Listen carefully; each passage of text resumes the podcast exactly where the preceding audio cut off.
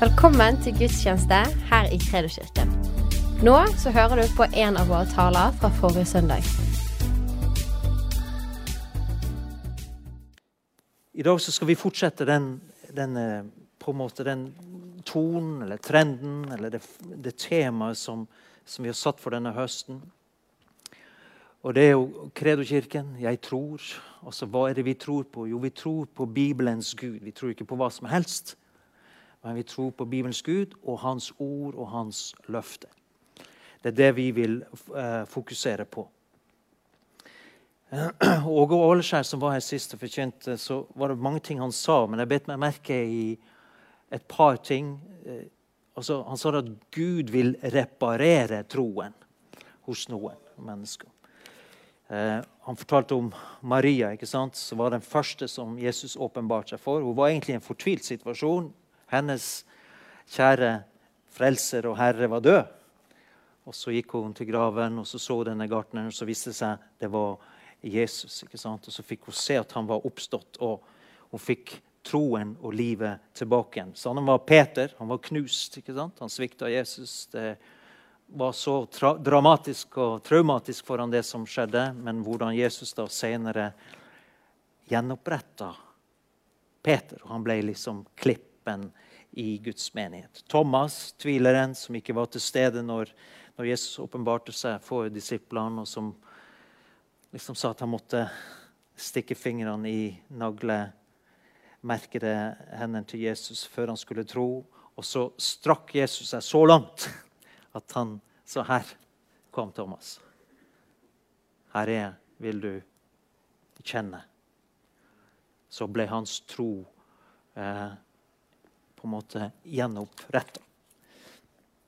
Eh, og det som jeg håper, er at i dag så skal vi fordi at Hvis vi vil leve med Jesus og fullføre på en måte det livet som han har kalt meg og deg til, så jeg ser det er så utrolig viktig å forholde seg til Gud sånn som han er. Ikke skape Gud i vårt eget bilde, men lære han å kjenne sånn som han er. For han kommer ikke til å forandre seg. Ikke sant? Eh, og det er grunnleggende å vite det at han er en god Gud, og at han elsker det. Og at alt han sier og alt han gjør, er til vårt beste. Om vi forstår det eller ikke, så er det sånn det er.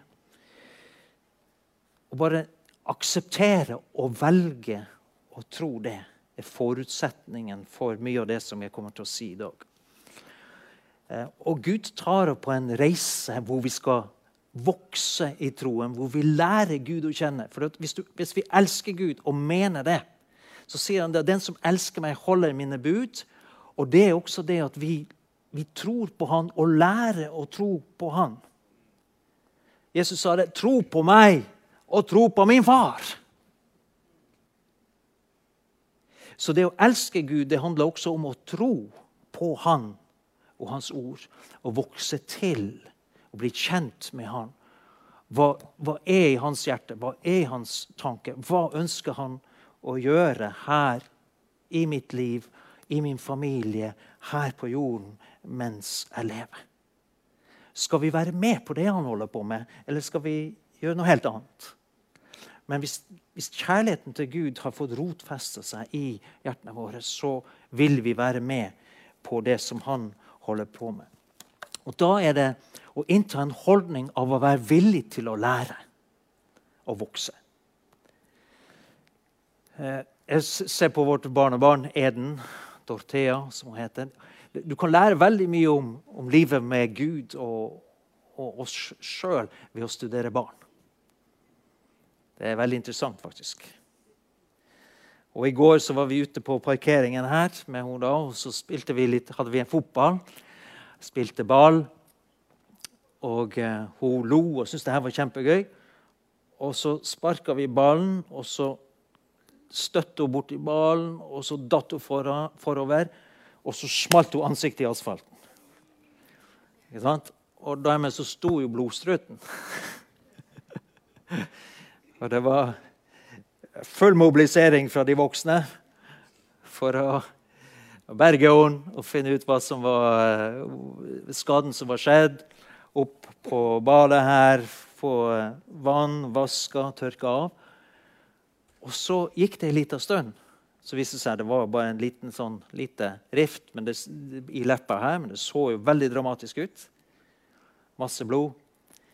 Men hva tror du den jenta gjør? Det første hun gjør når hun kommer ned igjen og ut på, på lekeplassen? Hva er det første hun gjør? Hæ? Hun tar den ballen og skal fortsette å leke. Og vil fortsette. Er akkurat som har glemt det hun nettopp opplevde. Men på igjen.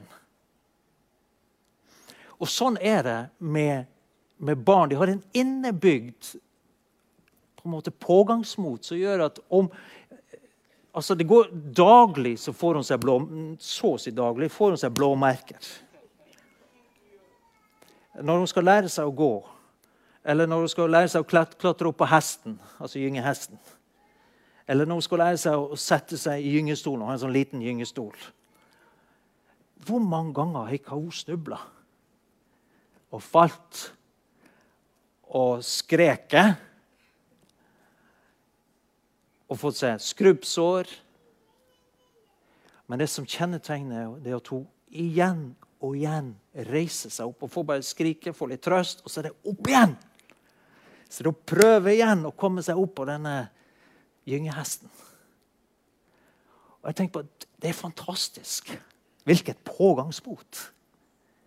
Hvilken drivkraft i det å lære.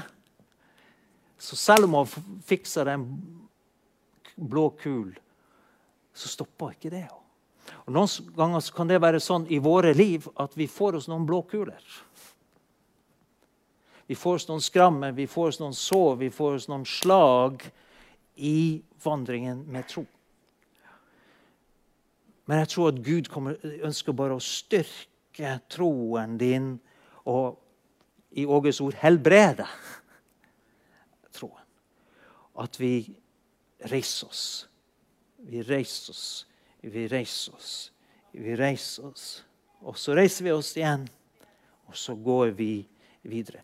For det er overført til det å leve med Jesus, å leve og vandre i tro, så er det faktisk noen ting vi lærer. Og så sier Skriften at, at den rettferdige skal leve av tro. Ved tro tiltro.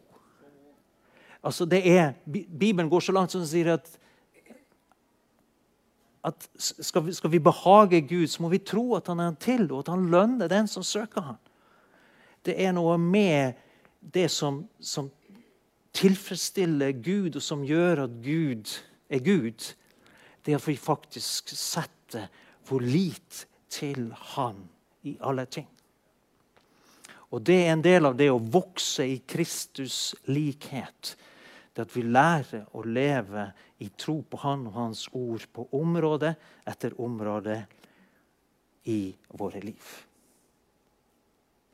Og vi, vi, har, vi møter så mye intellektualisme, vi møter så mye vantro, vi møter så mye tvil i den samfunnet og den verden vi lever i.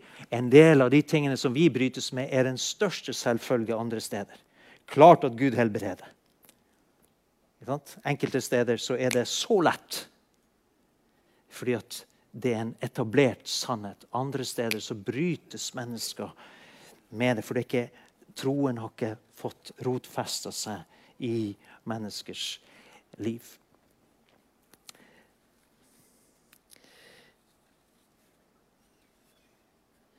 Så vi er skapt for å lære, for å mestre. Det gjelder vår fysisk og, og mentalt. Eh, og hvor mye mer gjelder ikke det våre åndelige liv? Det er noe som heter 'øvelse gjør mester'. Og det har faktisk en relevans for vårt åndelige liv og vår åndelige vekst. Det er ting som vi ikke vet eller forstår, men som kan læres. Og som jeg sa, mitt håp er at vi skal lære noen ting i dag. Eh, superviktig at vi aksepterer Guds ord som vår læremester. Dersom vi hele tiden skal psykologisere, bortforklare, dyrke tvilen, eh, så skjer det fint lite i Guds rike. Har du lagt merke til det? Den eneste måten å leve i Guds rike og se på Guds rike og få resultater, er ved å ta Bibelens ord og løfte på alvor. Og faktisk er det sånn at livet blir mye lettere å leve når vi kan være sanne og ærlige, ta imot Jesus sitt ord sånn som det er. Det er ikke alltid vi ser de samme resultatene eller umiddelbart ser de samme resultatene som, som Bibelen beskriver. Eh, og da er det på en måte å, å lande der I hvert fall så, så tenker jeg om mitt eget liv. Jeg, jeg vil slutte å komme med unnskyldninger eller bortforklaringer eller liksom Nei, jeg bare innser det at visse områder av livet mitt så er det fremdeles litt vantro. Visse områder så er det fremdeles litt tvil. Eh, visse områder så er det kanskje det at jeg trenger litt mer utholdenhet. Andre ganger så er det ting i mitt hjerte eller, som Gud ønsker å korrigere og justere. Og Når det kommer på plass, er det akkurat som, som det løsner. Men å legge skylden på Gud eller anklage han for at ikke hans holder sitt løfte, det nytter ikke. For at han er alltid trofast mot sine egne løfter. Og det, det skal du være glad for. For det er det eneste som gjør at jeg og du faktisk kan leve i tro. Det at Gud er konsekvent. Alltid for bestandig den han er. I går, i dag, til evig tid. Han kommer ikke til å forandre seg. Har han sagt det, så mente han det.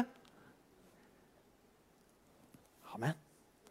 Og Det er det som gir, det det som gir meg og deg mulighet til å leve i det som Bibelen beskriver som tro.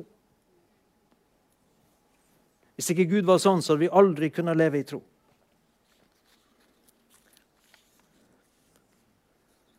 Og Jeg har også sluttet å si det at Og tar jeg meg sjøl i å si det, så arresterer jeg meg sjøl. Eller vi arresterer hverandre, Kirsten og jeg. Jeg, si, si, jeg tillater meg ikke å si 'jeg har bedt i tro, men det fungerte ikke'. Det den tiden er forbi. Faktum er hvis jeg ikke så resultater, så var det ikke fordi at uh, Det var ikke Gud det var noe feil med. Men kanskje det er noen ting som Gud vil vise meg, eller som jeg kan vokse og lære i.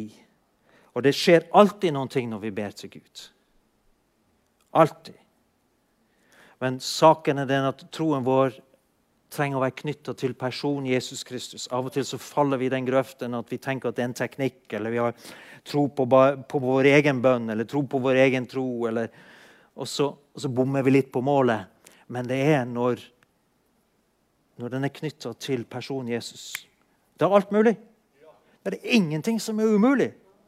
Smak på den, du. Det er ingenting som er mulig. Når Jesus får komme på banen. Ja, men det er Av og til så er det vi som er på banen, og ikke Jesus.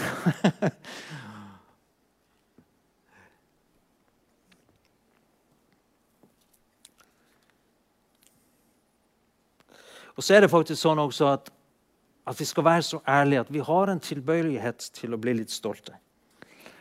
Eh, og når vi ser resultater, og Gud virker, og sånn, så er det så snikende nært av og til at vi begynner å ta æren sjøl. En superviktig lekse er gi æren til Gud. Jeg husker en mann som ba for meg det var, det var mange mange år siden. da. Men jeg, liksom, det støkk litt når han måten han uttalte seg på. For han sa ja, det er min helbredelse. Altså, Han ba for meg, og så var det om å gjøre at det var hans helbredelse. Han følte at han skulle ta æren for det som Gud gjorde. Og jeg tenkte det er Nå, gode venn,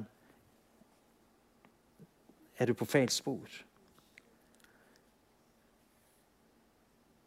Gi Gud ære. Og trenger, for, Som mennesker så trenger vi noen blåkuler underveis. For det er eneste måten å lære på, og vokse på. Vis meg den barnet som ikke har noen blå, fått noen blåkuler. Eller som stanga hodet i bordet. Eller som snubla over en, en stokk eller over en stein. Fordi at når vi opplever disse tingene, at det ikke alltid helt gikk som vi hadde tenkt, og det var liksom ikke de resultatene sånn med en gang, så viser det i hvert fall når vi får noen skrubbsår, så viser det i hvert fall at vi er i bevegelse. Det er bedre å ha skrubbsår fordi du datt, enn at du har liggesår, altså, for du gjør ingenting.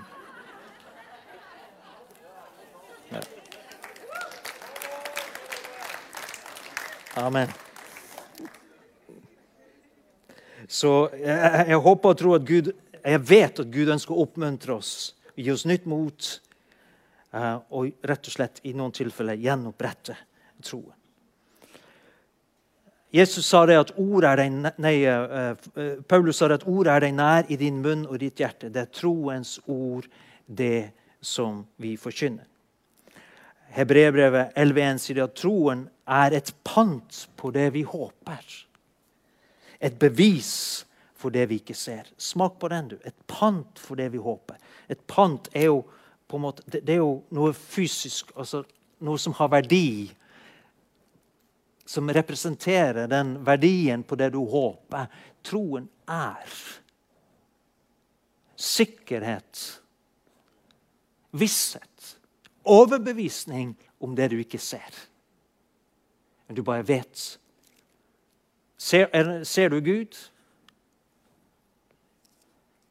Noen har fått åpenbaringer av Jesus, absolutt. Men her og nå i hverdagen så er det jo de færreste av oss som ser eller Jesus på den måten. Men allikevel så har du tro i ditt hjerte. Om du har tatt imot Jesus, om du er født på nytt, så tror du. Du er overbevist om noe du ikke ser. Prøv å forklare det til den som ikke har opplevd det. Det er ikke så lett. Men du bare vet at du vet at Jesus fins, og at han har frelst meg. Det er en gave fra Gud. Den typen tro og overbevisning den klarer du ikke å lure deg sjøl til. Den er planta av Den hellige ånd i ditt hjerte. På engelsk er det 'Faith is the substance of things hoped for, the evidence of things not seen'. Og eh, Vi skal begynne nå å gå inn i, skriftstedene her. men Vi starter i Johannes evangeliet, kapittel 16, vers 29-33. Og Da sa disiplene til han eh, du, Nå taler du rett fram og ikke i bilder. Nå forstår vi at du vet alt og ikke trenger at noen spør deg. Derfor tror vi at du er kommet fra Gud. Jesus svarte, tror dere nå? Det kommer en time, ja, den er nå, da dere skal bli spredt. Gå hver til sitt, og la meg bli igjen alene. Likevel er jeg ikke alene, for far er med meg. Dette har jeg sagt dere for at dere skal ha fred i meg. I verden har dere trengsel, men vær frimodig. Jeg har seiret over verden. Så her ser du det at disiplene Nå har Jesus sagt noe og sier, Oh yes, we believe. 'Jeg tror på deg, Jesus. Vi tror på deg.' Og så sier Jesus, 'Tror dere nå?' Han sier, 'Tiden kommer. Dere kommer til å bli spredt. Dere kommer alle til å forlate meg.' Men heldigvis så stopper han ikke der. Så sier han det at, at uh,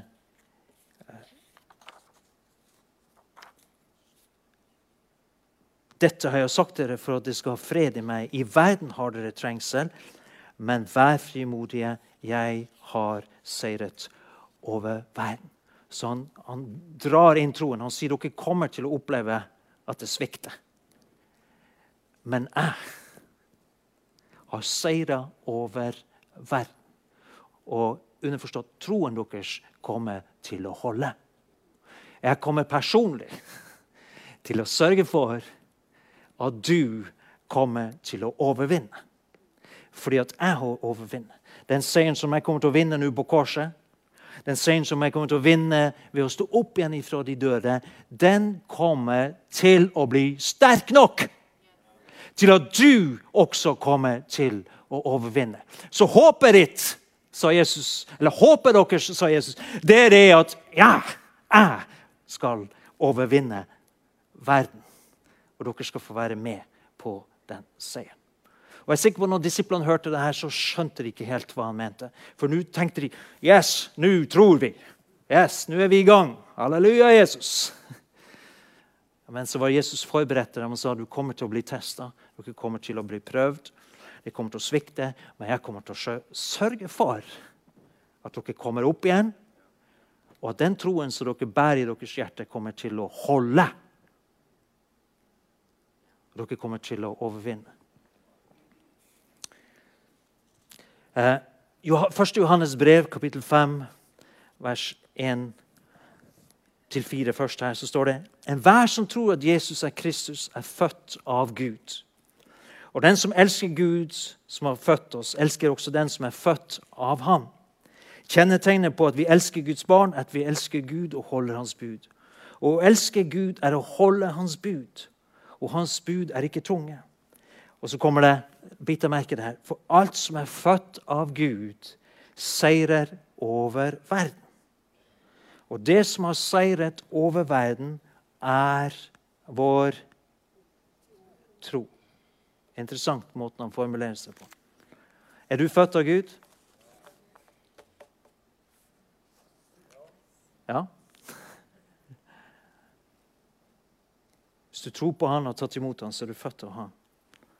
Og Da sier Jesus eh, gjennom Johannes For alt som er født av Gud, seirer over verden.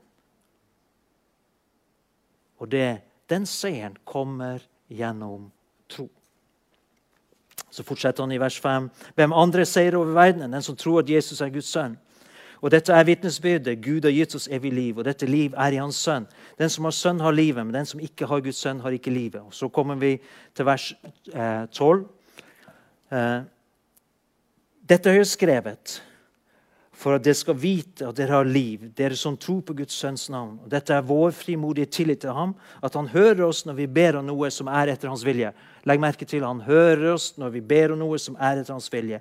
Og når vi vet at han hører oss hva vi enn ber om, så vet vi at, at vi allerede har det vi har bedt han om. Wow, Ser du igjen denne måten å formulere seg på?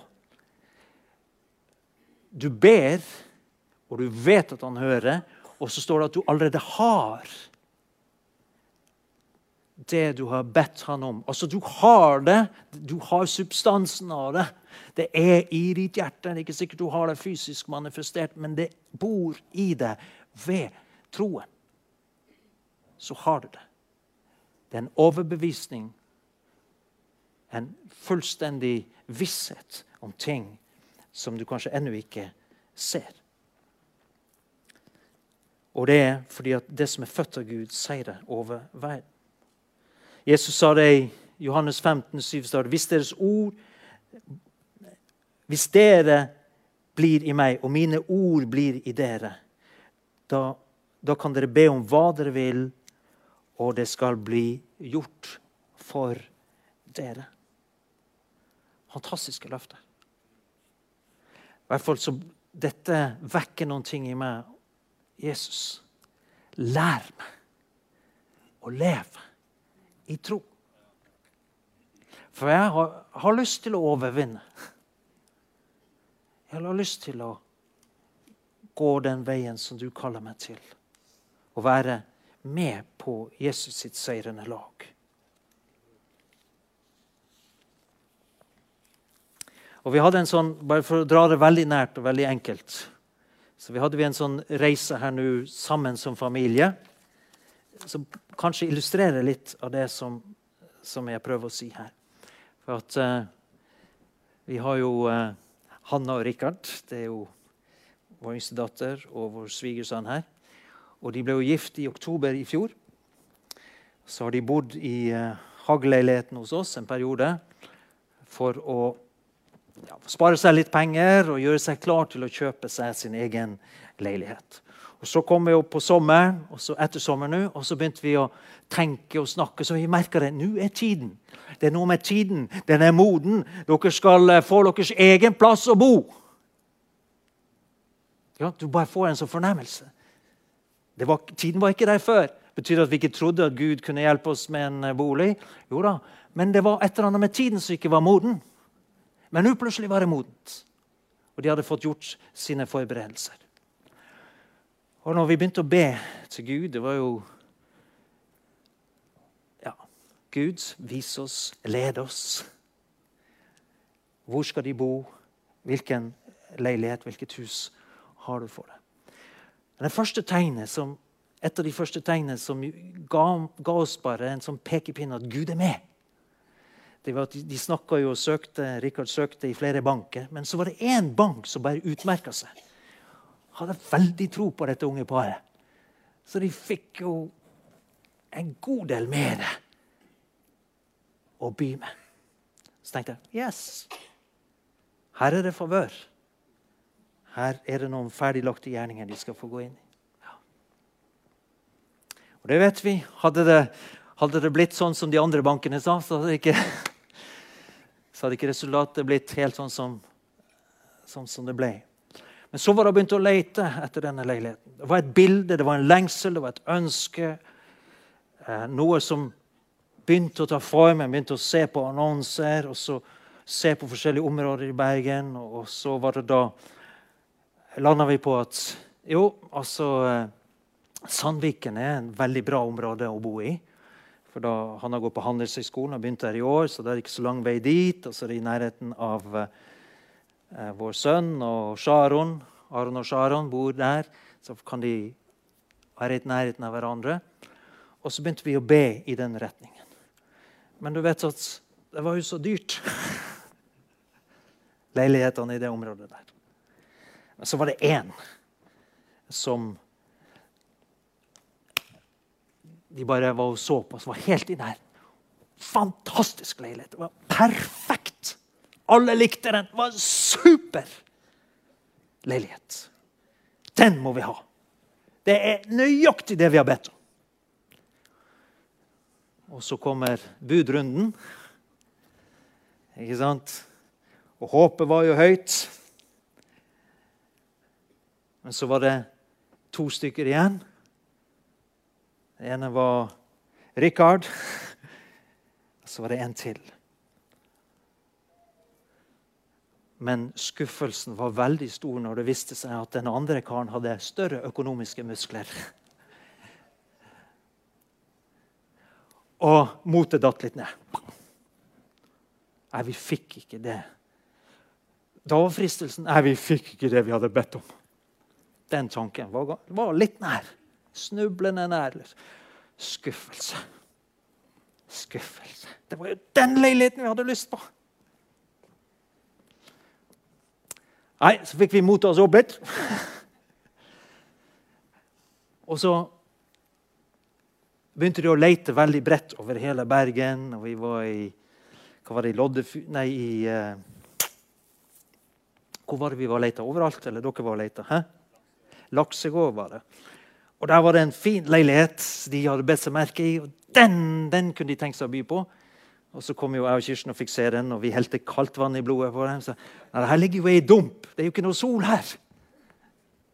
Så eh, også, jeg ble litt skuffa. Nei, vi var, ikke, vi var ikke helt enige i det. Nei, men OK, vi fortsetter, vi fortsetter å lete. Og så fant de den fine leiligheten på Nygårdshøyden. Og så bare kjent Yes! Her har vi den! Nå har vi den! Og budrunden kom. Det var ingen andre som bøy. Det var en, det var en lekkasje på badet. Det måtte renoveres, men det var kalkulert inn. Og det var ingen andre som hadde bydd. Kjempefin leilighet. Og de var de eneste som bøy på den. Og vi kom opp til et visst nivå, til et visst nivå for å snakke om hva selgeren ville akseptere og ikke. Og så var de på det nivået de visste at nå kommer selgeren til å gi etter. Og det var jo godt under prisantydning. Og det var et kvarter igjen av budrunden. Og så kommer det et par inn kvarter før og sier kan vi få se leiligheten. Og så fem minutter før vi har den, så byr de over. Og de gir seg ikke. Og så mista vi den nå. Oh. Jeg skal si det, det var landesorg i heimen. Det var sørging. I hvert fall to dager. Men så kom vi på det. Nei, kom an, folkens. Hva var det vi egentlig hadde i hjertet? hva det egentlig utgangspunktet? Hva var det vi egentlig trodde? Vi har jo bedt om Guds beste. Var det tyven som stjal, eller var det Guds velsignelse at noen andre kom og kjøpte den? Spørsmål. Men vi ble enige om nei, Gud har det beste. Gud har noe bedre. Så vi liksom fikk fiska opp denne troen igjen. På det som vi hadde sett for vårt indre. Så bestemte vi oss, eller de bestemte seg, og vi ble, var enige med det. Sandviken! Der skal vi være. Så kutter vi ut og ser på leiligheter andre steder i Bergen. Da er det bare der. Så skal Gud hjelpe dere, gi det beste. Og det kommer til å bli bedre. For å gjøre en lang historie kort, så ga Gud favør, og de fikk en kjempeleilighet til en overkommelig pris. Med vinduer, utsikt over Bergens fjord, med sol, kveldssol. Sola går ned i vinduet. Ja, så vi må få opp et eh, Jeg tror vi har et bilde liggende her.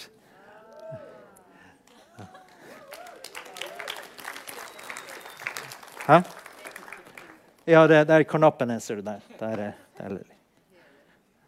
Nei, ikke hele huset, men den. men det lærte oss en lekse. En, en vandring i tro. Hvor det kan komme litt skuffelse, det kan komme litt skjær i sjøen. Men jeg skal si det at Gud kommer til å ta det igjennom. Bare vi holder fast på det som vi kjente var det rette. Og det var, en, det var, et bevis på Guds godhet eh, for oss. La oss ta et steg tilbake igjen og så si eh, Hva er det som Jesus sa at han hadde overvunnet denne verden? Og så står det at vi har overvunnet, altså er født av Gud, overvinner verden. Og det er da vår tro. Hva er verden for noe? Bare La oss ta et, et kjapt steg tilbake. På gresk står det 'kosmos'. Eh, og det, Noen ganger i Bibelen så brukes det om den fysiske verden.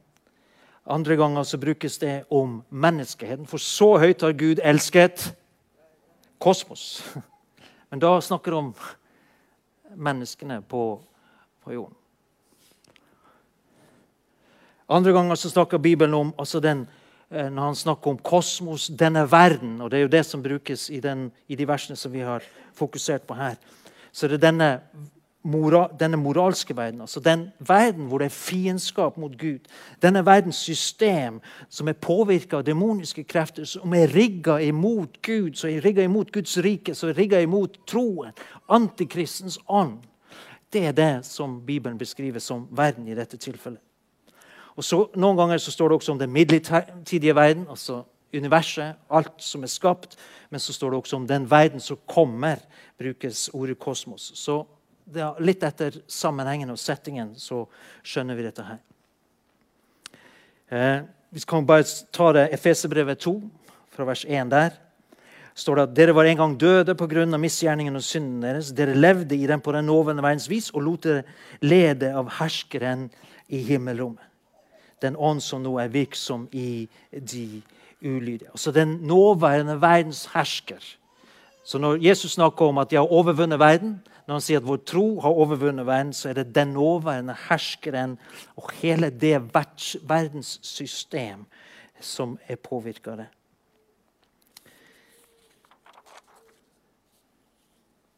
Og der er, la meg si det sånn Den troen som jeg og du bærer, som er planta i oss det er to steder eller to, Jeg vil ta to områder nå hvor vi trenger å leve i tro for at vi skal vinne seier. Den ene er i oss sjøl. Fordi at vi, vi, er i denne verden. Og skal vi være helt ærlige, så fins det mange verdslige lyster. Altså Bibelen, Jakobs brev sier det at når vi blir frista, så fristes vi av vårt eget begjær. Øynenes lyst. Det er ikke sånn at Gud frister noen, og Gud lar seg ikke friste av noen. Men det er noe i oss som mennesker som blir dratt og, og lokka av denne verdens ting. Eh, Markus snakker om det at eh, lysten på alle andre ting som kan kvele, kvele ordet. Den snakker om eh, rikdommens bedrag. Denne verdens måte å tenke på. Hva som, er, hva som er bra, hva som er viktig, hva som er verdifullt. Men Guds rike har helt andre verdier. Men skal vi være helt ærlige, så er vi av og til litt opplanda. Også som kristne. Du snakker om i vår sjel.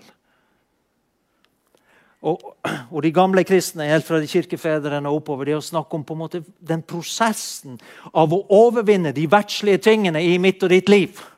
Den er helt reell, for Jesus jobber med å gjøre oss mer og mer lik han. Er vi enige i det? Ja. Og, og det første er jo det at på en måte disse her åpenbare, grove syndene, hor, ikke sant? drap, eh, avgudsdyrkelse, står det om. Ikke sant? Råskap, sinne, strid.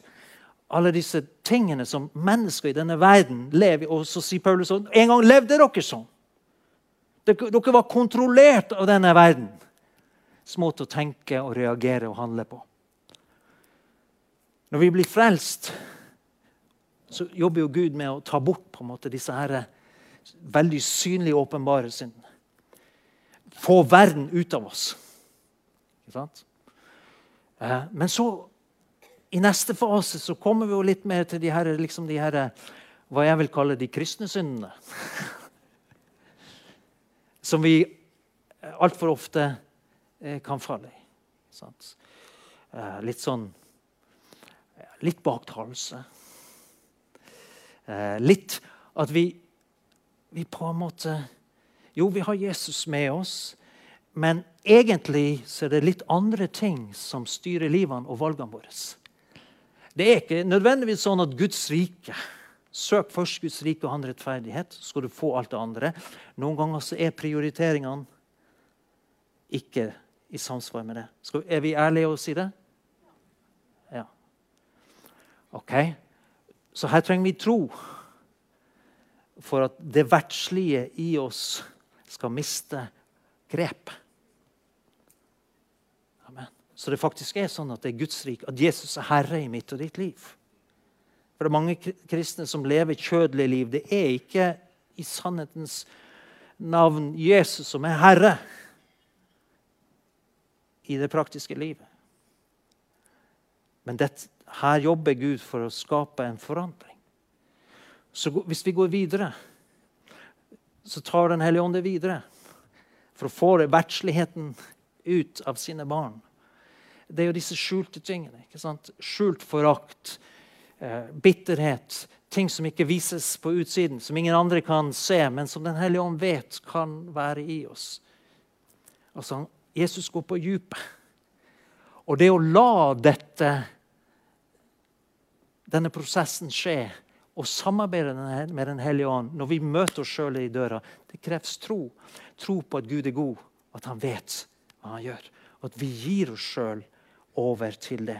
At vi kan holde fast ved hans godhet og ha, ha tro og tillit til han når det går bra, men også når vi går gjennom disse vanskelige periodene og disse eh, dalene som alle mennesker går gjennom. Men det er faktisk sånn at troen vår må prøves for at det gullet skal komme fram.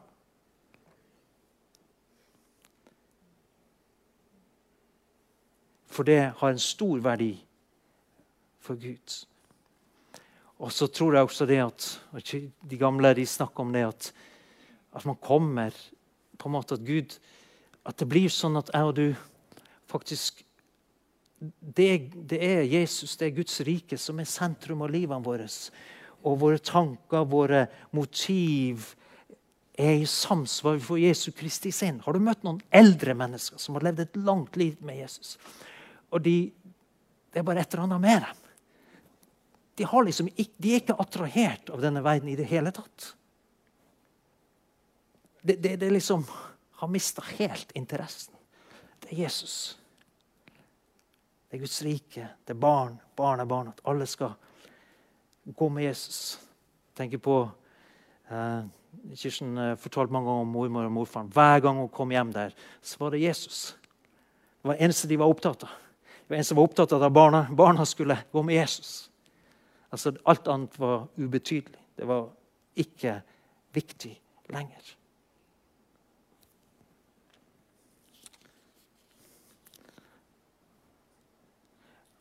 Han vinner, overvinner verden i oss. Men det er også en verden som vil prøve å stjele motet og troen ifra oss. Men jeg skal si deg at han som bor i deg, er sterkere enn han som bor i denne verden. Uh, yes. Og, og Bibelen gir oss masse eksempler på det. For vi trenger å leve i tro for å kunne utføre det som Gud har bedt oss om å gjøre. For å vinne mennesker for Jesus, for å overvinne den motstand som fins i denne veien. Det fins bare én måte å gjøre det på. Det er å leve i tro og lydighet til Gud. Eh, til og med Hvis dere følger med på ny nyhetene så, og den krigen som har pågått i Ukraina Jeg vil bare ta et eksempel. Eh, først skal jeg lese fra Hebreerbrevet 11, vers 32 og 34 så står det tiden rekker ikke til hvis jeg skal for, fortelle om Gideon, Barak og Samson, og Jefta, om David, Samuel og profetene. Ved tro vant de hør her, ved tro vant de over kongeriket. Holdt retten oppe, fikk løftet oppfylt, lukka gapet på løvet, slukket voldsom ild, slapp unna eh, bitende sverd, gikk fra svakhet til styrke, ble sterke i krig, krig og slo fiendtlige hærer på flukt i tro. Tro på Gud. Og Jeg husker når jeg var i Ukraina nå i, uh, i juni. og Vi var på en måte i Kharkiv. Det er nær til russiske grensen. Vi var i nærheten av, ikke langt ifra frontlinjene. Og det landa raketter innover byen, også i de områdene hvor vi var. Og Da traff jeg en mann som gjorde veldig inntrykk på meg. Han, hadde, han fortalte i de mest dramatiske dagene når de russiske styrkene sto midt i sentrum av Kharkiv. Ja, og, og, de skjøt og de skjøt og de skjøt og de skjøt med disse granatene og rakettene. Og 90% av menigheten hadde flykta. Eller 90 eh, av befolkningen eller mer av det flykta, som naturlig er. Men han kjente på en instruksjon på innsiden om at han skulle bli igjen. Og så skulle han stå imot den russiske hær i tro. Det er jo ganske tøft. Og Mens jeg snakka med han, så forteller han hvordan når styrkene var kommet midt inn i byen, og det smalt, og de var livredde Og jeg kunne se frykten i øynene hans fremdeles. Altså den menneskelige frykten. For krig er skrekkelig. Det er utrolig skremmende. Så menneskelig frykt hadde han. Men han fortalte hvordan han og kona da hadde blitt instruert på en måte til å løfte hendene, og de sto vendt imot disse områdene hvor de russiske styrkene angrep. Og de bare sto i Jesu Kristi navn. De fikk bare mot til å stå, ikke flykte, bare stå be og tale imot disse demoniske kreftene som var bak den invasjonen. Og det var helt sikkert mange mange flere med dem. Men det var, det var dette at han Jeg så frykten, men så hadde Gud gitt ham tro og mot samtidig. Og, og dere kanskje har fulgt med nå. Nå er det begynt å snu i de områdene. der. Nå har de klart å drive russiske styrker tilbake. Og det er En av de tingene som vi har bedt om, det er at det skal komme inn forvirring blant denne invasjonshæren. For det, en, eh, det, har vært en tsunami av ondskap som har kommet. Men jeg husker helt i starten, når alt dette så helt forferdelig ut, så i et bønnemøte så fikk jeg en slags indre syn om en tsunami. Og Du klarer ikke å stoppe tsunamien, for den er så voldsom, den er så kraftfull. Den bare river med seg alle bygninger, alle trær, alle biler. ikke sant? Den bare skyller inn over land. Men så var det som den Gud viste meg, han sa det at for hver gang denne tsunamien møter motstand, så mister den litt av sin kraft og energi. Så du må stå imot og stå imot og stå imot. Og be for de ukrainske styrkene. Be for dem, be for dem, støtt dem, stå med dem, stå med dem, stå med dem. stå med dem. Be om forvirring over fienden, be om kaos. Be, tal. Herrens engler gå ut. Det var måten vi fikk instruksjon om å be. Fremmede hærer. Invasjonsstyrker. Og, og, det var et, et, nettverk av bønnekjemper, og det er et nettverk av bønnekjemper. Og ene var med oss på tirsdagen på skjerm her inne i kafeen når vi ba. Fortalte. Jeg tenkte, Gode Gud, takk for at det er noen som hører fra deg der i Ukraina, og som har mot og får styrke til å be og stå fast og overvinne. Og det var det med tsunamien. ikke sant? Jo, og så møter det en motbakke. Og så til slutt så må den stoppe. Og så hva skjer da? Så begynner den gradvis å trekkes tilbake. Og Det er det som vi, vi står fast ved, og det er det vi ber om. at denne, bare Bit for bit for bit for bit så skal det drives tilbake igjen. Amen. Det fins noen helter der ute. Og det, Uten å glorifisere det, for det fins Ukrainerne er som alle andre, men eh, det, det fins knapt en soldat som ikke tar imot en bibel der. Det fins knapt en soldat som ikke ber til Jesus. Eh, så det er et eller annet vi I hvert fall så kjenner jeg det sånn. At vi må bare støtte dem, be for dem, backe dem. For Gud har en plan med det folket. Det er egentlig et vekkelsesfolk. De kristne menighetene bærer, eh, bærer noe som er viktig for Europa. Eh, og som vi har også delt her i Poltava, den byen som vi har engasjert oss og støtta. Så, så, hver søndag de siste gjennom sommeren og nå sist så har det vært mellom, 100, mellom 50 og 100 stykker som har tatt imot Jesus i Poltava. Og så bygger de det kirkebygget for å skape arbeidsplasser og aktivitet osv. Det kreves tro og visshet om hva Gud har sagt i sånne situasjoner. Men når, når, de våger å handle på det og stå fast, så ser du resultat, begynner du å se resultatene av det. På samme måte skal jeg og du, lede av Gud, fatte mot og tro for vårt eget land. Når det tilsynelatende ser ut som det skjer veldig mange negative ting, og det gjør det, men da trenger vi å Herre, hva sier du? Istedenfor å forbanne mørket hva skal jeg tro deg for? Hva, hva skal jeg gjøre for noe? Det virker som en tsunami av forførelser kommet over folket og landet vårt. Hva skal vi gjøre? Hva med disse kirkesamfunnene? Kristne som blir forvirra, kristne som går bort fra Skriftene, kristne som går på kompromiss. Gud, gode Gud, hva skal vi gjøre for noe? Ja. Men da tror jeg Den hellige ånd oppfordrer oss. Spør Han. Hva skal du be om? Hvordan skal du be? Hva skal du knytte din tro til? For vi, vi, tror at mange mennesker i Norge kommer til å venne seg til Jesus. Amen. Samtidig som vi ser mørket og forvirringen som holder på å ta oss som folk. Men da er det viktig at jeg og du reagerer ikke i frykt og mismot, men vi reagerer i tro på den Gud som skal fullføre sitt verk, på den Gud som skal føre fram sitt rike, på den Gud som vil frelse barn og tenåringer, og ungdommer og voksne og eldre i denne tiden. I denne forvirringens tid så, så trenger Gud min tro og din tro. At vi kaster av oss mismot, at vi kaster av oss liksom nederlagstenkning og fatter mot. Og tenker Yes. Hva, hva kan jeg be om? Da, og da finnes det noen ting som Gud legger ned i mitt og ditt hjerte, som vi kan strekke oss etter, som vi kan tro ham for. Så Vi er en del pastorer som samles så å si hver fredag. og Vi har også nå begynt å be om at Gud reiser opp røster i nasjonen. Reiser opp folk som, som, vet hva de snakker om i forhold til denne totale forvirringen når det gjelder kjønn. Eh, Gud, reiser opp røster i media, TV, aviser, i fagfolk, undersøkelser. Få fram sannheten, Herre. Amen. Så vi står imot galskapen. Elsker menneskene, men står imot galskapen. For den ånd bak det, det er en forførelse. Det er katastrofe for de menneskene som blir fanga av dette her.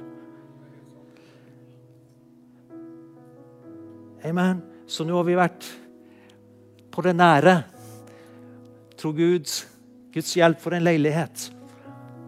Nå løfter vi perspektivet. Tro Gud for en nasjon.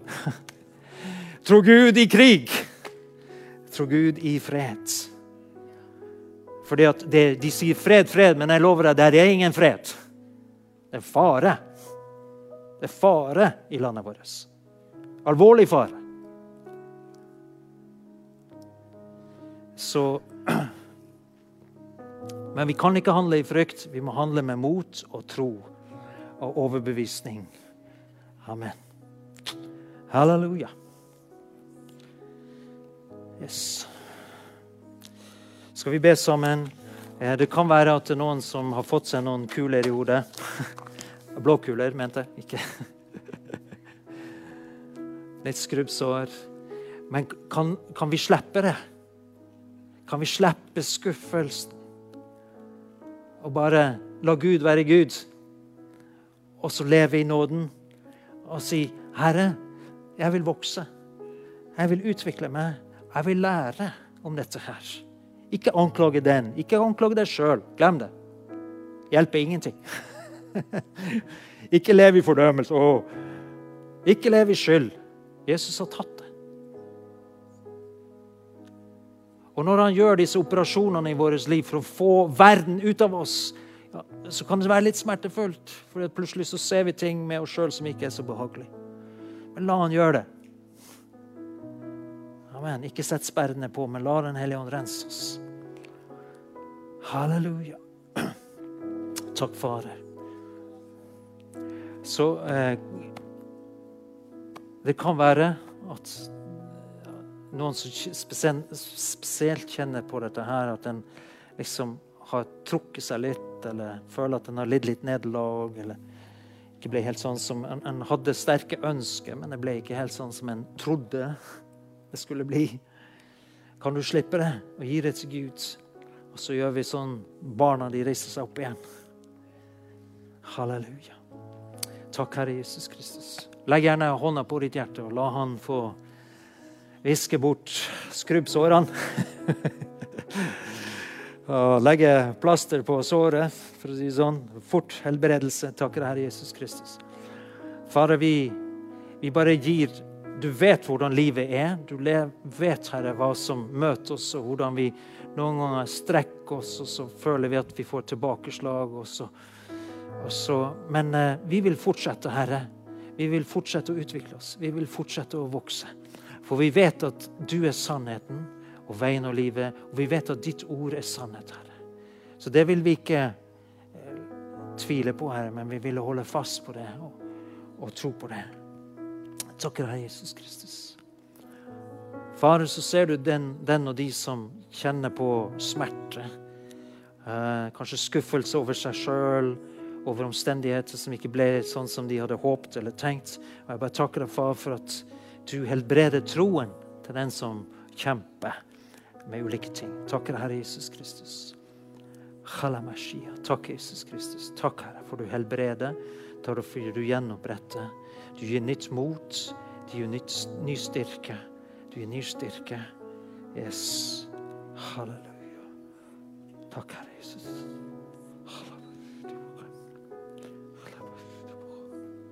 så er det sånn når vi noen ganger når vi lider tap eller mister noen ting, så er det sånn at Gud har alltid en vei til å restaurere.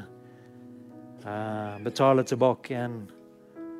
Vende ting som er negativt, til noe godt. Han er mester på det. La oss bare holde fast med hans godhet og hans kjærlighet. Og la hans ord som et såkorn virke og vokse i våre hjerter. Ikke ved egen anstrengelse eller for å være pushete. Men la Han gjøre sitt verk, og la Hans ord gjøre sitt verk i oss. Halleluja. Jeg takker deg, himmelske Far. Jeg takker deg, Far, for at du også, der du ser verdslighet i oss, Herre eh, denne verdens spor, denne verdens tanker, denne verdens verdier, Herre, når det dukker opp, Herre, så, ber vi, Herre, om nåde. At du bare renser oss, Herre, og sånn at vi, vi kan tenke og evaluere i samsvar med ditt rike, og hva, du, hva som er ditt rikes perspektiv og verdier, Herre. Jeg takker deg, himmelske Far. Takker deg, himmelske Far. Ser du disse uh, skjulte tingene, far, som uh, dukker opp av og til? Takker deg, Herre. Ja, vi stiller våre hjerter inn for deg, Herre. Takk, far, for at du har sagt at alt som er født av deg, overvinner verden. Priser deg for det, far. Så takker jeg, far, for disse som uh, bærer på visjoner og drømmer. Så kjenner jeg at det, det brenner hjertet for visse ting som du har, putt, du har lagt Herren har lagt ned tro i ditt indre. Ting som kanskje ikke andre tenker på, ting som kanskje ikke andre har helt oversikten over eller helt tro på. Men du har det. Du har det. Og vi skal støtte hverandre. Vi skal støtte hverandres tro. Amen. Jeg var nettopp i samtale med en, han som leder arbeid i eh, Thailand og i regionen der, Sørøst-Asia. Så var det en menighetsplanting hvor ting ikke gikk helt sånn som vi hadde håpet og tenkt. og Det var liksom ikke enighet mellom kona og mannen. Og, og jeg var liksom i ferd med å gi opp og si nei, men kanskje vi skal bare kutte det der og bare gi opp det. Be dem reise hjem. Mens han hadde et annet gir. Han sier nei. Jeg har vært i sånne situasjoner før. Jeg tror at de skal være der. Så bare ba vi sammen at de skulle komme til enighet. De skulle få nytt mot, at de skulle fortsette den, menighet, den plantingen av menighet som de holdt på med. Og så nå nettopp så skrev han til meg at det har skjedd en forandring. De fortsetter. De står nå sammen. Takk Gud for at han ikke hørte på meg. Men at, og liksom, at han hadde tro. Amen. Så vi trenger din tro, jeg trenger din tro, du trenger min tro. Vi trenger hverandres tro, vi trenger hverandres mot. På ulike områder. Halleluja. Takk, Jesus. Takk, Herre. Halleluja. Så er det eh, Det er noen av dere som du kjenner når du er alene, og du kjenner det bobler på innsiden. Du, har, du ser for deg ting som er store ting. Våg å tro. Våg å tro at det er Gud. Det kommer spesielt når du er i Når du er konsentrert, når du er på en måte slappa av i ditt indre. Så det er akkurat som dette begynner å leve i det.